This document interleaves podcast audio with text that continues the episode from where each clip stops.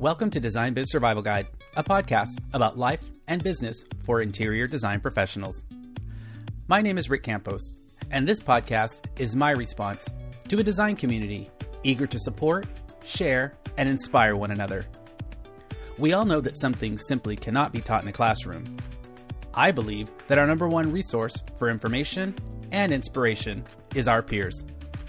Join me as I sit down with industry professionals from across the country to discuss their secret to survival in the business of design.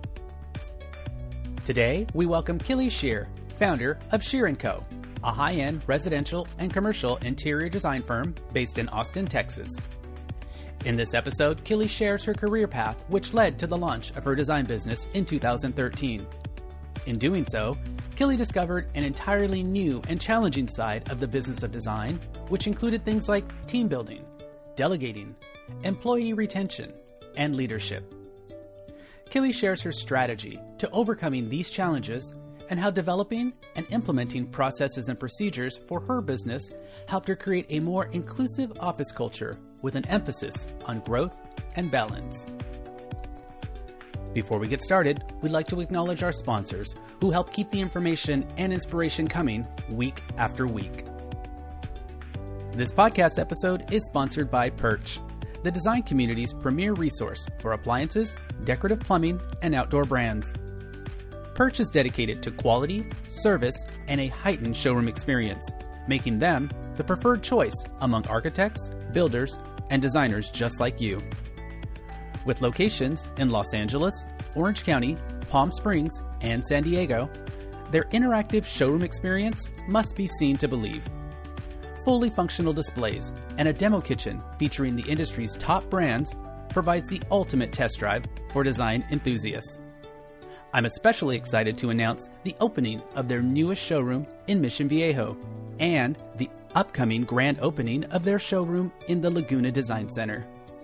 As a trade professional, you're eligible for their exclusive rewards program, Perch Premier, where you'll earn credits for every purchase of appliances, plumbing, hardware, and outdoor kitchens. This program is loaded with perks and benefits, so sign up today and tell them you heard about Perch Premier on Design Biz Survival Guide. And now, our conversation with Killy Scheer. So, Killy, welcome to the podcast. It's so great to have you. Thank you so much. I'm really excited to be here.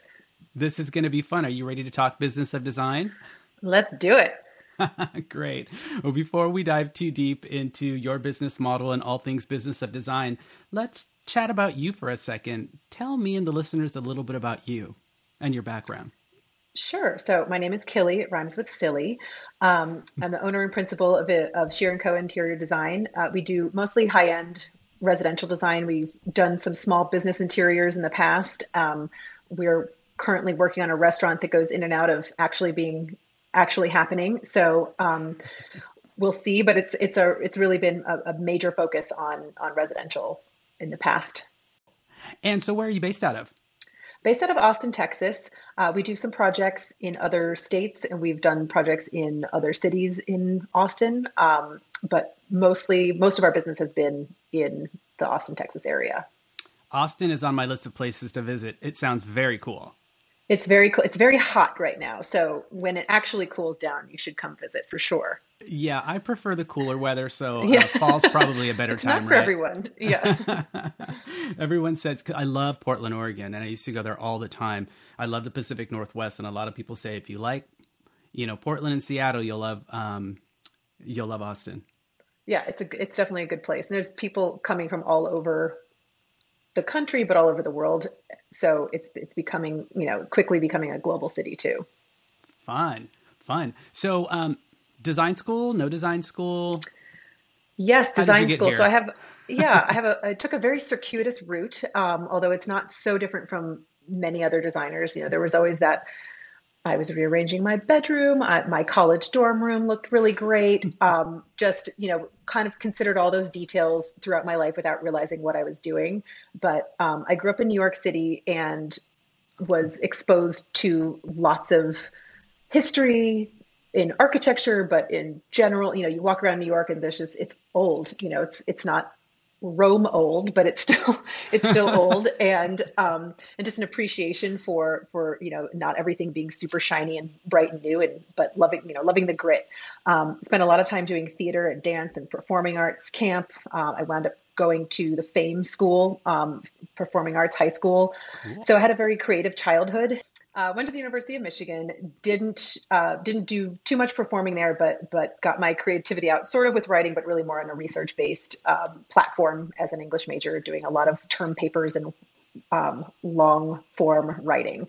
Fun. Um, yes, which I loved. I really did love it, and actually, I think it's informed a lot of how I approach work now. But um, moved to San Francisco after school, really kind of direct directionless. Thought I wanted to be a writer didn't really know what that meant. So took a series, did a series of jobs, and eventually was like, I can't do jobs anymore. I need to figure out what my career is going to be, and it, and I would love to do something that's creative. So I actually started taking classes in. I'd start taking art classes, so I was doing charcoal drawing, oil painting, um, just to get back to creativity, and then worked with a um, career coach, which I never thought I would do, but went to a meeting one day. Uh, it was a, an alum, University of Michigan alumni thing, and um, an interior design came up, and I had never heard of it. So I immediately went to the library, started looking looking at what you know what are in, what is interior design, and looking at all these books, uh, and realized it was it was a great combination of of creative but also business. You could you know it's not like the reason I didn't go into acting was because it's so um, it there the success rate is so low. So, sure. you know, and you have to do other types of jobs in order to support this this thing that you you know this dream. Whereas in design you can it's a business. So you can really run that business and you yeah, can kind of make it what you need it to be. Very much a balance, a balance yeah, yeah. It, you can have a balance if well, you're if you're good at balance. So, not my forte but i'm sure we'll get to that. We'll get to so, that. yeah we will get to that. So um, so then I, I started taking classes in interior design too. So drafting and the history of design and just intro to interiors and, and really loved it. Um, wound up applying to Pratt Institute for a, a, graduate degree, got in, moved back to New York. Um, so I have a Master of Science in Interior Design and then worked for a handful of companies in New York before moving to Austin, um, where I also worked for another firm and then eventually launched my own firm. Excellent. Wow. So you've got some experience under your belt, and that was quite a yeah. journey. But I love yes. hearing that journey story because it's actually more typical than than people may realize. Um, very rarely do we have you know designers on the podcast, or do I come across designers in conversation who are like, "Yeah, went out of high school, went straight to college to study design." It's like mm, maybe now because it's such a um, a popular and realistic career path, but you know, 10, 15 years ago, like you had to go to the library and look it up. exactly. Yeah, exactly. Yeah. yeah, no, it definitely, it, you know, I, I didn't know it was, I didn't even know it existed, you know? And then when I found out you could, you know, I thought I was just rearranging my room because I enjoyed, you know, I, I, didn't know what that meant. I didn't know that that, that meant that I really had a, um, sensitivity to the built environment and the space and, and that this could, you know, this is the psychology behind how you work better, you sleep better, you have, you know, just a better life if you're, if you're environment, if your interior environment is is good. So um, I didn't, I just didn't know, and so I'm so glad that I was able to to find that. So you spent some time working for other designers. It sounds like in New York and in Austin. And yes. so, what was that experience like for you? And what was missing from that experience that prompted you to launch your own design business?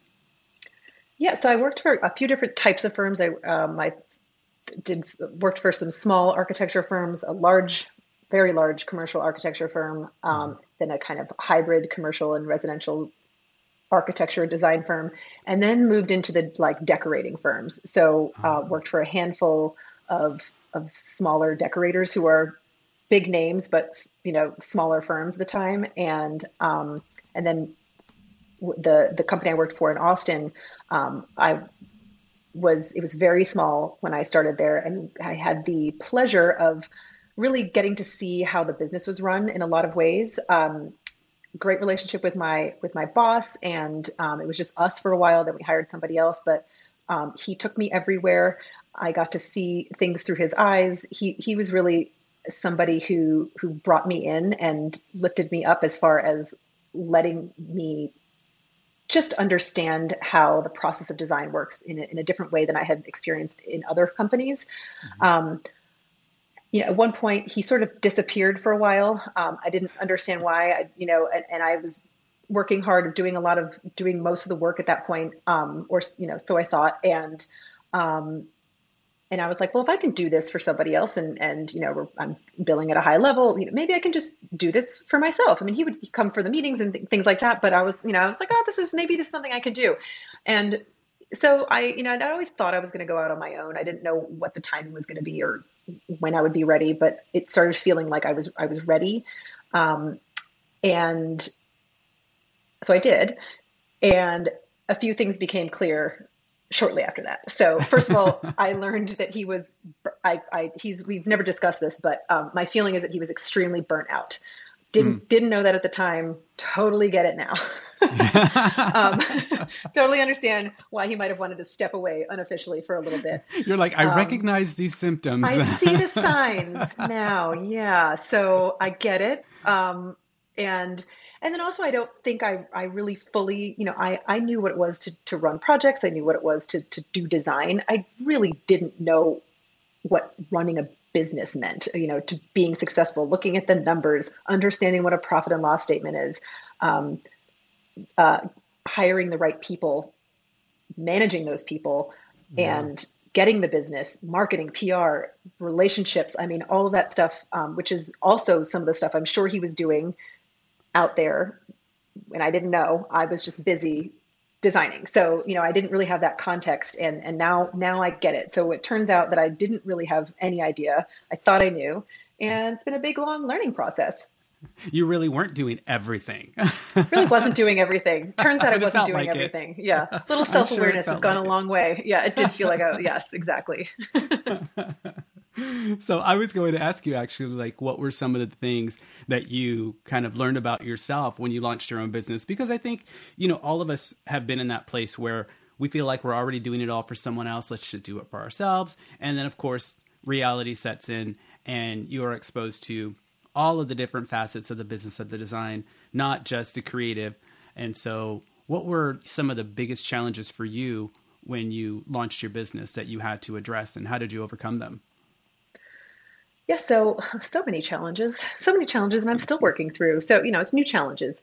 So like I said, I started the business because I, I love design. So that's that's what I was sort of focused on. I just wanted to do projects, work with great clients, do great design. Um, but at some point, I think it was actually uh, Michelle Lynn. You had her on on the podcast, and she oh, yeah, mentioned Michelle's out, great. out. Yeah, she mentioned outgrowing her her own skill set at some point. And I know she came from a different background and, and wasn't a designer originally, didn't have um, you know formal training, but um, but just learning that she couldn't do it all right. all the time forever. So um, I think that was a big thing for me because I, I started out doing it all and um, really running myself into the ground, you know, burning the candle at both ends too much for too long. So learning that it was, you know, it's time to hire, who to hire, there's things that I'm just not good at and really shouldn't be doing. So my first hire was a bookkeeper because we should all keep me away from the numbers. I can look at them and read them. I should not be putting them together and all that. So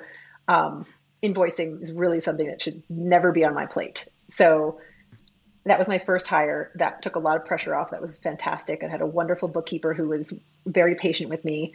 Um, and then just you know but then building a team in general that's not something i had any experience with um, leading a team so i you know come from mostly these small firms where there was very little structure at all so we didn't have an onboarding process we didn't have a project management system you know design firms are, are run now like tech firms in a way there's mm. we've got asana or clickup or so you know we've got these programs that are keeping us organized we've got all these different things and um, that was just not the way it was done when I first was in the industry and then certainly not how I was doing it. So I've had to adapt a lot and, and get real self-aware about what my shortcomings are and know that I'm like, I'm not a good people manager. Um, I'm, I'm not a, I'm learning to be a leader, you know, and, mm-hmm. you know, when I, when I worked for all these other people, they didn't super care about like how I was doing and if I was comfortable in my chair and you know did I have enough light natural light like that that wasn't that wasn't what they were they didn't care so um so learning that that stuff is important and and that people you know to maintain um, long-term employees and have a have a good team that rumbles along the culture is important um, keeping them happy making sure that you know we're all a little bit more balanced. Um, so figuring out roles and responsibilities and efficiencies and all that stuff which is just something i, I just never been exposed to it. So um, that's been that's been a big challenge that i've been working on. And and those things those are three great examples of things that you don't learn in design school um, you almost i mean you kind of don't really learn them in business school either. You you kind of do in business school but even then like nothing is like being in the trenches in the office creating a team leading that team and and and retaining that team which is all so important you know to your business. So you know i don't think anyone ever prepares us to look inward and identify things that you're not good at i mean as entrepreneurs we're in this mindset where we're like i'm going for it i'm going for it and i'm going to be good at everything and if i don't know it i'm going to learn it and i'm going to figure it out but at some point like you said you know you do begin to outgrow your own skill sets and you have to kind of embrace um, surrounding yourself with people who know more than you know. And yeah, absolutely. For some people, yeah. that could be a tough pill to swallow, but I think that we're talking about it enough these days to where people are actually anticipating that as part of their business plan, which I think is really smart because you can't do it all. You just can't. Right. You should, I mean, you shouldn't, we don't, you know, I used to say, oh, I, I need a clone of me. I don't need a clone of me. I need, I have me. I need somebody who does stuff that I can't do. I need somebody else who does stuff that, that the two of us can't do. You know, we, we all need uh, we all need we all need a sense of urgency. We all need kind of some of the same values and approach to work, but we do not need to all have the same skill sets. So, and I don't think there's the world probably can't handle a clone of me. So, so it's probably best that way. I'm glad that you said that though, because we have this conversation a lot. I have a, this conversation a lot with designers who say the same thing. I need a clone of me. There needs to be another one of me. And to your point, there's already one of you. If there's another one of you, then there's going to be two of you doing all of this. And whatever's yep. being neglected is going to continue to be neglected. Exactly. And if anything, it's going to be magnified. yeah, absolutely. Yeah. No, we definitely don't, you know, there's, there's plenty that I, that I can't do and shouldn't be doing. And, you know, and what's, what I've learned is that being able to delegate, hiring the right people and being able to delegate well really frees up my time to do the stuff that I'm actually good at and enjoy. And that's what I'm trying to, you know, get back to doing that or, or learning some new things. You know, I, am actually enjoying the, the, learning how to run an actual business. Um, sure. And that's, I didn't have time to learn new skills like that when I was just cranking through production work and you know doing doing too many things doing everything so it's uh, it's so much better to to be able to spread that out a little bit and then give myself a little space and time for sure Absolutely. How how big is your team? What is your team structure like? So we have three full time designers, including myself, mm-hmm. and uh, a procurement coordinator, a bookkeeper, uh, an admin, and a business coach or slash financial consultant. Um, he's not quite a fractional C- CFO, but that's maybe where I'm headed. Um, mm-hmm. And then we have a handful of, of, consultants that are kind of we call on when we need awesome extra awesome. help. So, yeah yeah, nice diverse team of employees, consultants, that sort of thing. Um, you know, there's nothing wrong with outsourcing. And so I think that the design community is certainly embracing that a lot more as well. There's some things we can outsource and some things we can't. Creative, I think, should stay in house. But the other stuff, the marketing, the social media, the bookkeeping, the accounting, the finances, all of that, once you have a solid understanding of it, can very easily be kind of outsourced. And then you just are able to have this, you know, uh, view from a thousand feet, but not really have to be in it. Definitely. And I think, you know, I, I know everyone says that like the pandemic obviously helped a lot of people get over that, um, the hump of, of the, you know, the challenge of, of hiring people that aren't sitting in your office. Um, yeah. And I think that's, I think you're right. It's, it's very hard. You know, design is a, is a tactile three dimensional business. So you can't, I don't know how people do it fully remotely. Um, some people are very successful at that and that's great um, i like to be in the office i like to have our samples nearby i like to have you know i want our clients to touch and feel i want to be there when they're doing it and present it to them so i'm still very much an in-person designer, but but there's definitely stuff that you know does not need to be. Our procurement coordinator doesn't work in the office. Um, yeah. We you know we just there are certain things that just don't need to be in person. So um, getting comfortable with that. We also went completely. We moved into a smaller office space. Um, right kind of at the beginning of the pandemic and mm-hmm. uh, not because of it but it was already a plan but but that meant getting rid of a lot of paperwork and you know we've been in binders and all kinds of just papers everywhere. So we went fully digital. So now we have some of you know our old binders if we need reference but um, but everything went digital and that's simplified a lot as far as you know we don't have a lot of junk around and we had to get a system going. Um, so that that was a, a good you know stretch moment for us to, to shift that way and shift our thinking um, but it can be done. I mean, it absolutely and it needed to needed to happen, and I'm I'm so glad it did. It simplified a lot of things. But I think yeah. you know, as far as the the remote work, that's a that's a big thing. I think it'll be interesting. This is a whole different conversation, but just so many people don't have the opportunity. You know, if they're if it's a fully remote company, young people coming up don't have that opportunity to be pulled into a meeting and mm-hmm. and get to whether it's weigh in on something or just hear how other people make decisions, hear how they handle a problem on the phone, hear how they handle someone in the office.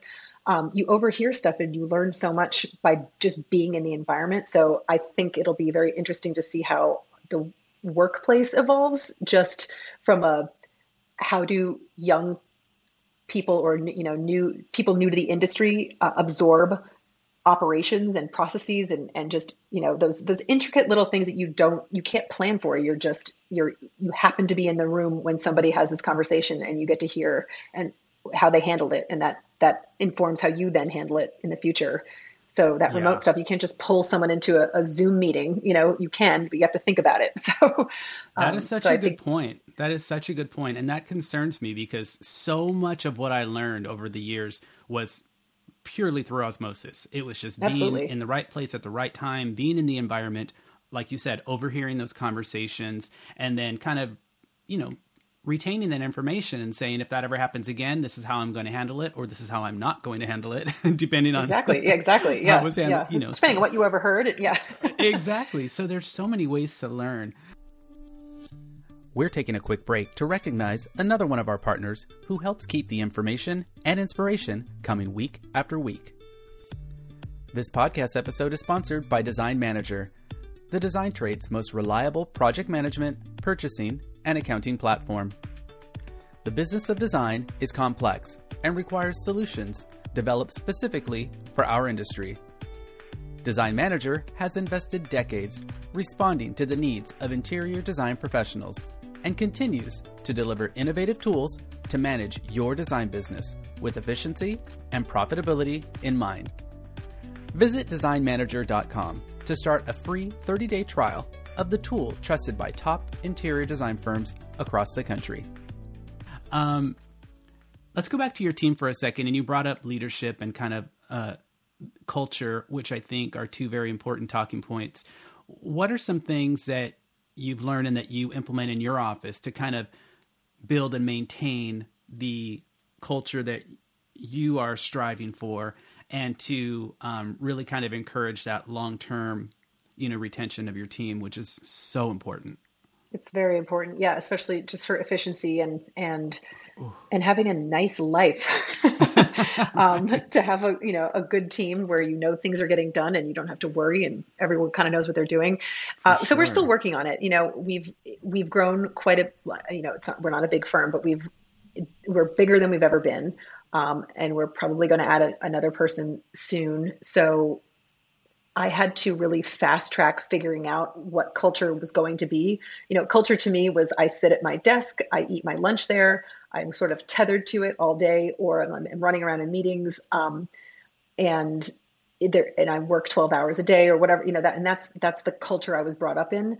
So it, that's the culture that I continued to work in. Um, I realized that you can't expect that from everybody and it's also you know or you can but that's it's just not fair and i think mm-hmm. we're in an in an age where people are realizing they they do want balance and they they you do need to recharge. You can't just work all the time. That doesn't benefit you. It doesn't benefit your clients. Your ideas start kind of sucking. You know, there there's just we all need time to step away, uh, whether that's a few minutes a day to take a few breaths and walk around the block, or if that's like a week of vacation. So.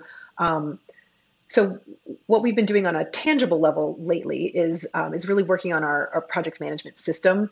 Um, so I, I brought in a, a systems um, co- consultant to to really get us situated with with a, a highly functional system, so that so that the onboarding process for for you know anyone that we hire next, we don't have to. Um, you know, it's not downloading my brain and now something lives in their brain and my brain, but it doesn't live anywhere on paper or digitally. You know, that it's it's been a, a real struggle, I think, to to get everything that lived in my head and put it down somewhere so that other people know what what to do next. So it's it's i don't have to answer 500 questions a day. Right. The answers are are laid out of this is how, this is our process and here's our schedule and here's you know here's what needs to happen in order for these things to happen. We're working toward this meeting. So these five things need to happen in order to get to this meeting mm-hmm. readiness. And um, so that's that's been the big thing that we've been working on lately as as a team and um, and me personally on the side when because I've now that I have a couple of designers that I can delegate to. Um, and they're very capable. So there's things I don't I don't even know what's going on with some stuff. You know, they just handle certain things. We have a we do have check-ins every week. Uh, we have a, a, team meeting, so I know what's happening with all the projects. Um, then I have a, a one-on-one with with our employees, just you know, throughout the week to to understand if there's any issues or if there's something that they need to review with me. Um, in preparation for a meeting. So I'm involved in all the projects still, but I'm not. I don't have to be making all the daily decisions. Um, so that's that's been another big thing. But really, the project management system, which sounds like a no-brainer, I feel like to most of the business world, um, that that is it just dawned on me in the last couple of years. So well, um, which is because, the benefit like of said, talking to other people. right. And like you said, we keep so much of that in our head. So you're like, yeah, I've got it all dialed in here, yeah. but it's not on paper for anyone else to benefit. And yeah. so, you know, the team benefits from having that documented so that they don't have to go to you and ask a hundred questions and begin to feel like I can't move forward without asking a question. Now they're going to have a reliable resource in which to refer to, a point of reference, so that everyone can really just kind of run with it, you know, run with the ball, which yeah. is I think what yeah. every team member wants. Like they don't want to come to the office and and be managed every day. I always say that people oh, don't completely. come to the office to be managed; they come to the office to be led. Uh, Simon Sinek said that, but you know they want to learn something new every day, and they want the experience to be different. Um, and in order to achieve that, you've got to give them some, um, you know, some level of, you know, go for it, just run with the ball, sort of thing. Yeah, absolutely. Give them the tools. That's what you know. This is really just about how can I make help with your success. You know, I want you to stay a long time. I I don't. You know, first of all, hiring is very hard. It mm-hmm. takes a long time, and you know, it's it's a risky process. So the less I have to do that, the more uh, and the, you know, and the more that we all work together, the more efficient we'll become. The more you know, the expectations are clear. Um, our, all of our personality quirks are you know how do how does this person need to take criticism? How does this person need to hear you know these things? What do they need? Do they need me to say thank you more? I mean that's that's valid you know? I sure. sometimes can be very dismissive of things people do because i'm like well it just has to get done obviously. I'm not going to thank you for it. But you know sometimes people just need to be thanked and that's yeah, and i need little, to know that so a little validation goes appreciated a long way. every once in a while yeah well, and it's a two way street. So for people that are listening, because maybe not everyone that's listening is a design business owner, I know a lot of my listeners work for design firms. And so I, I do want to say that it's a two way street. It's just as important for us as design business owners to ask those questions as it is for employees and team members to also have a voice and say, hey, you know, this week was a good week, but this is maybe how it could have been better for me. If there's any way we can work together to achieve that, you know, let's do it. You got to be willing to ask for help. You have to be willing to oh, ask yeah. for what you want. And, you know, if you are in an environment that promotes that, then the sky's the limit.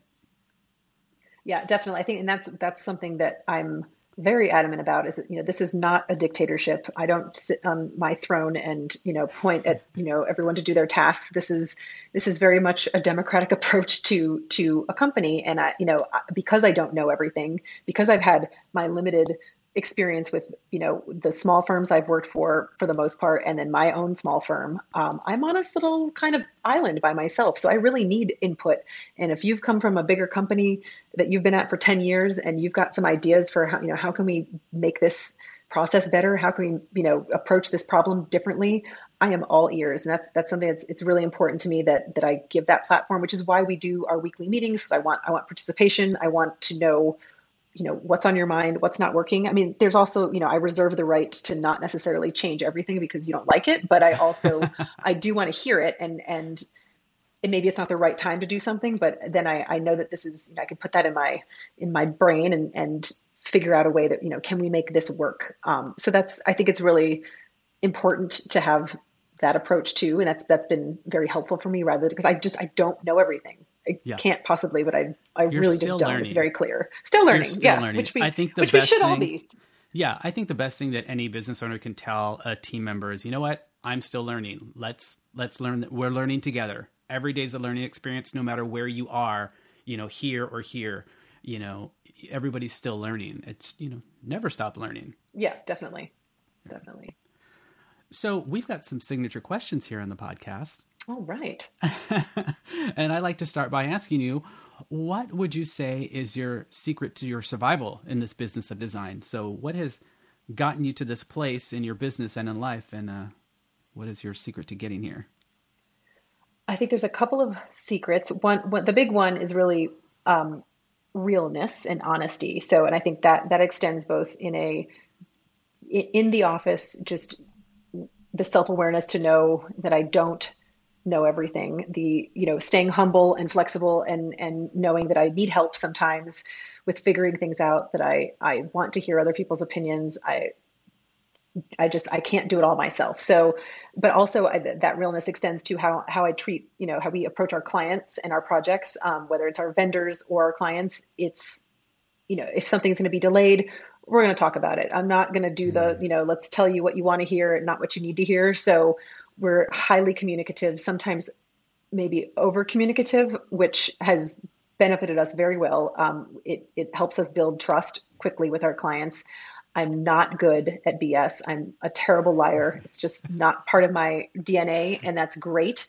And I appreciate that about myself. And I, you know, and I will tell it to you. I will tell you stuff you just. It sounds terrible, but you have to know it. And I want to set your expectations correctly. And I've gotten, you know, people have been mad at me about it, but been, you know, there have been times where they've gone and hired somebody else because they didn't like what I had to say with them. And then they turned out, they, they wrote to me and said, I wish I'd listened to you because the project cost as much as you said it would. And it took as long as you said it would, but I thought I was going to fast track it in three months. And that didn't happen. It was a total mess. So, yeah. um, so the feedback I've gotten about, you know, being real and being honest has been good, which is great because it's the only way I know how to be. Um, and then I think, you know, just really being open to knowing that I, you have to keep learning. It's it's very uncomfortable. I'm somebody who likes to be an expert in things. I like to know everything. I I don't like to not have answers. Um, so it's been a challenge for me to to say that I you know to kind of accept that I don't know everything and sure. that I do need to keep learning and that I that I can't and I also just can't always learn everything on my own. So you have to call in an expert I, you know, I could sit on the internet or read finance books all day about how to, you know, use a profit and loss statement to my advantage, but it really helps to just bring somebody in who can break it down for me and we can study it and and review it, you know, on a monthly basis. So it's just bringing in experts to guide you through these these areas that you just don't know. I think that's that's super important. So I think the two things are just realness and and, oh, being open to learning. I love the realness. The realness is so important because, and I'm glad that you use the word realness and not transparency because I feel like transparency is one of those overused words in our industry, kind of like luxury. It's lost its definition. Um, so realness, I like. And, you know, nobody benefits by telling the client what they want to hear.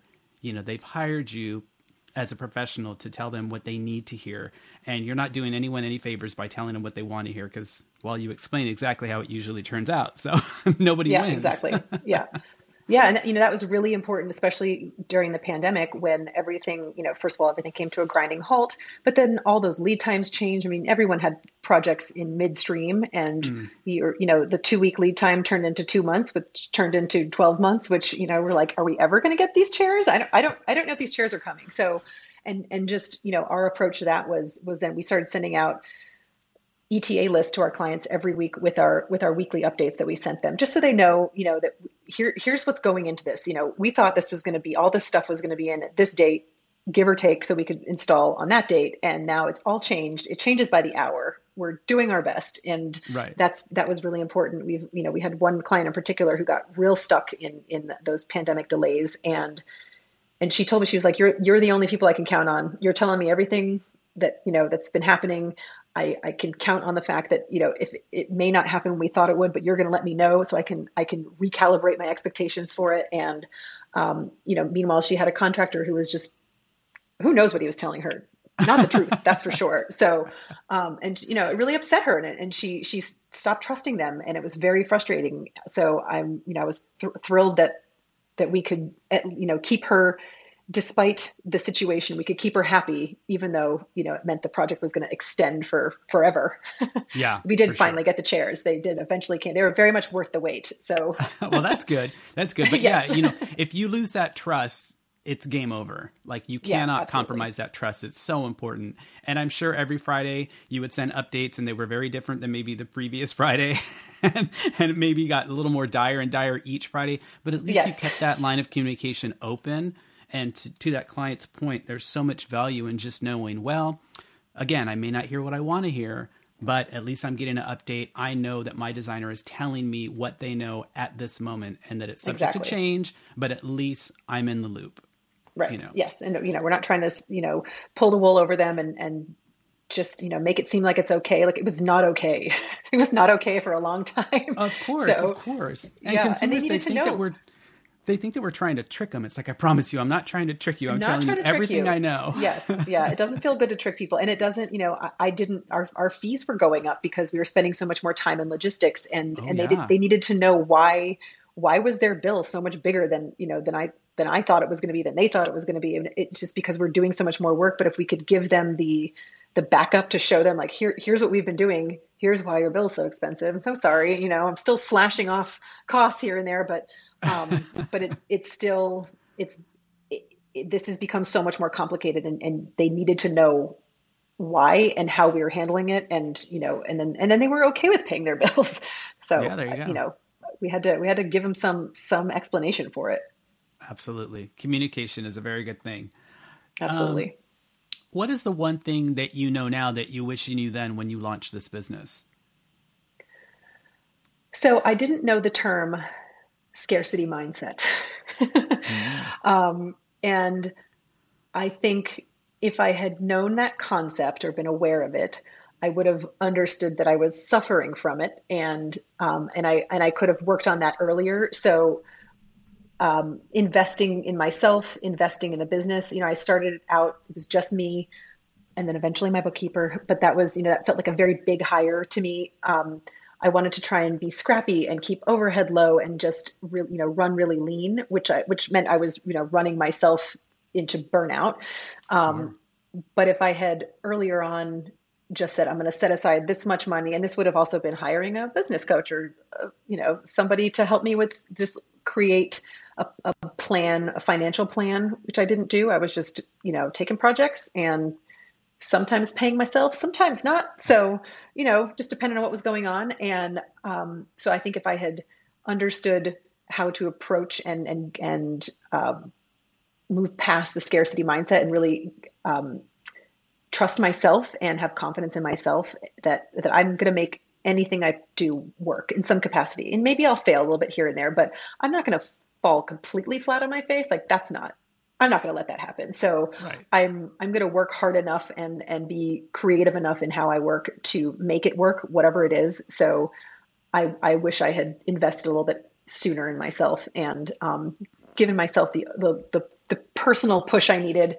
uh, the confidence boost, and then and then the financial, you know, just understanding that that I'm going to figure it out, but I need to invest this money in order to make more and build something more stable. Absolutely. Costs money to make money. It does. It, it costs really a does. lot of money to make money. it sure does.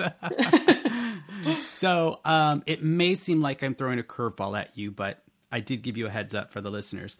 Um, I'm changing my third question, and I'm going to try this for a few episodes. Tell me what your definition of success is. I've spent a lot of time talking to different designers and about the definition of success, and I've shared my own definition of success. So I think it'd be interesting to hear what yours is.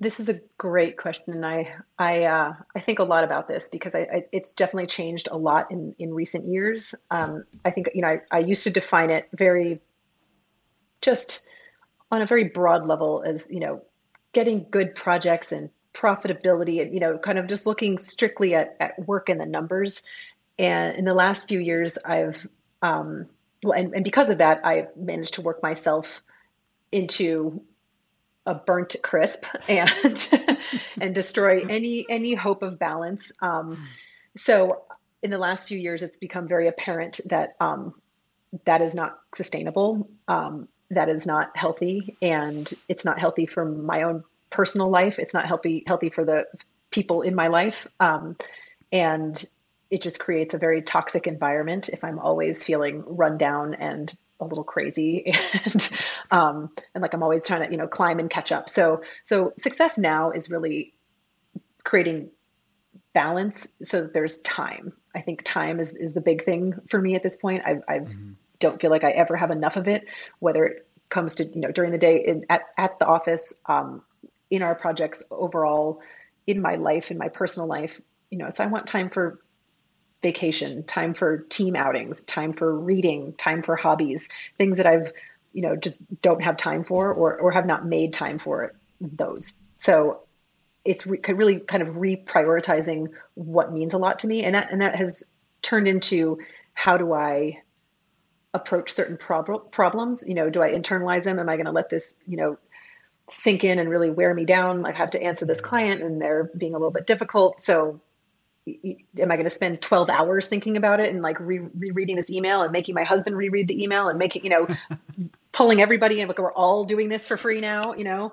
and um, or am i just going to like write what i have to say read it the one time make sure it doesn't sound super rude? Um, and and be and be done with it. And and like now i'm moving on to a different problem. You know my my parents are aging. I want to be present for them i have a husband we have a dog like i you know i want i have friends. I want to be present for these these relationships in my life that have nothing to do with work. So i think the success has, has turned into creating time, creating balance, and and being able to put my energy toward the things that really really matter. Because nobody was on their deathbed saying they wish they spent more time in the office. So right. i don't need that. So, don't need that don't need that to be my legacy no, no. Like Lu- Luann always says, what is my gravestone going to say? I don't want to say that, you know, I worked 60, 80 hours a week, you know? right. Nobody's going to be impressed with that. They're just, that's going to be, that's a, that's a sad gravestone. So that, that's not a I, legacy. no, not a legacy. Absolutely not. Yes. So it's really, you know, how, how do I treat the people that, I, that are in my life and, and have the time and space to, to give them. Um, and myself too. You know, we all need, we all need treat ourselves nicely. So, um, sure. so just learning, learning what, what time and space and balance, um, that, that, that's really, those are the priorities. Awesome. Well, Killy, thanks for going there and thanks for sharing that. I know that it, it could it could be a little deep, and so I did give you a heads up, and I appreciate your willingness to share that because um, I, I, think a lot of people need to hear that. So I really appreciate you taking the time to come on the podcast, tell us a little bit about your business and your journey. I think it's going to be very beneficial to people listening. And I'm sure that many designers out there can relate to much of what we talked about today. So thank you so much. Yeah, thank you so much for having me. This has been so much fun. I really enjoyed it. And, you know, the honesty, realness, that's, you know, we, we covered that. So absolutely going to always dive into those deep questions. Nice. Where can the listeners learn more about you? Um, what is your website and can we find you on Instagram? You can find me on Instagram. So Instagram is at Scheer and Co. And that's S C H E E R and C O. Perfect. and then our website is just scheer.co. There's no M on the end of that. So again, SCH, which people often skip the they skip the C. So yeah. S C H E E R dot C O. So it's scheer.co, not .com. Scheer.co, that's correct. It was Thank you so much. You. Really appreciate it. You as well. Well, there were a few big takeaways for me from my conversation with Killy. The first one being when she felt like she was practically running someone else's business already, so why not just start her own? If you're in a key role at your design firm and you begin to feel like you're doing all of the heavy lifting, please learn from Killy's experience that there's a whole other world of responsibilities and challenges happening behind the scenes that you're probably not aware of. If you're a business owner relying on key people to help you run the business, I encourage you to draw back the curtain from time to time, just a tiny bit, and expose your key people to the other side of the business so they may learn and better contribute to the big picture. When Killy realized she didn't really need a clone of herself, but rather someone with entirely different skill sets to help her scale the business, I believe that moment was an epiphany that many of us have had far too into the game. It is crucial to seek diversity in the people that you surround yourself with to support you and your business. Lastly, did you catch that moment when we touched on in house versus remote working? It's a topic that has naturally worked its way into almost every conversation since the pandemic, and I feel that we're finally able to evaluate with confidence the impact that it's having on the workplace and the creative process. Is the new remote workforce missing out on valuable opportunities to collaborate and learn in a creative, problem solving environment? Perhaps productivity is not the only marker we should be evaluating when it comes to remote working. What about long term expertise and good old tribal knowledge? Just a little food for thought. Thank you, Killy, for sharing your strengths, your weaknesses, and your strategy to building a better design business. Before we wrap up, just a quick reminder that we still have a few seats available for Design Biz Retreat this fall. Registration closes September 30th, so if you're looking for an immersive, two day learning experience for you and your business, head on over to our website and reserve your seat today. Thank you for joining us, and until next time, be safe, be kind, and get out there and inspire.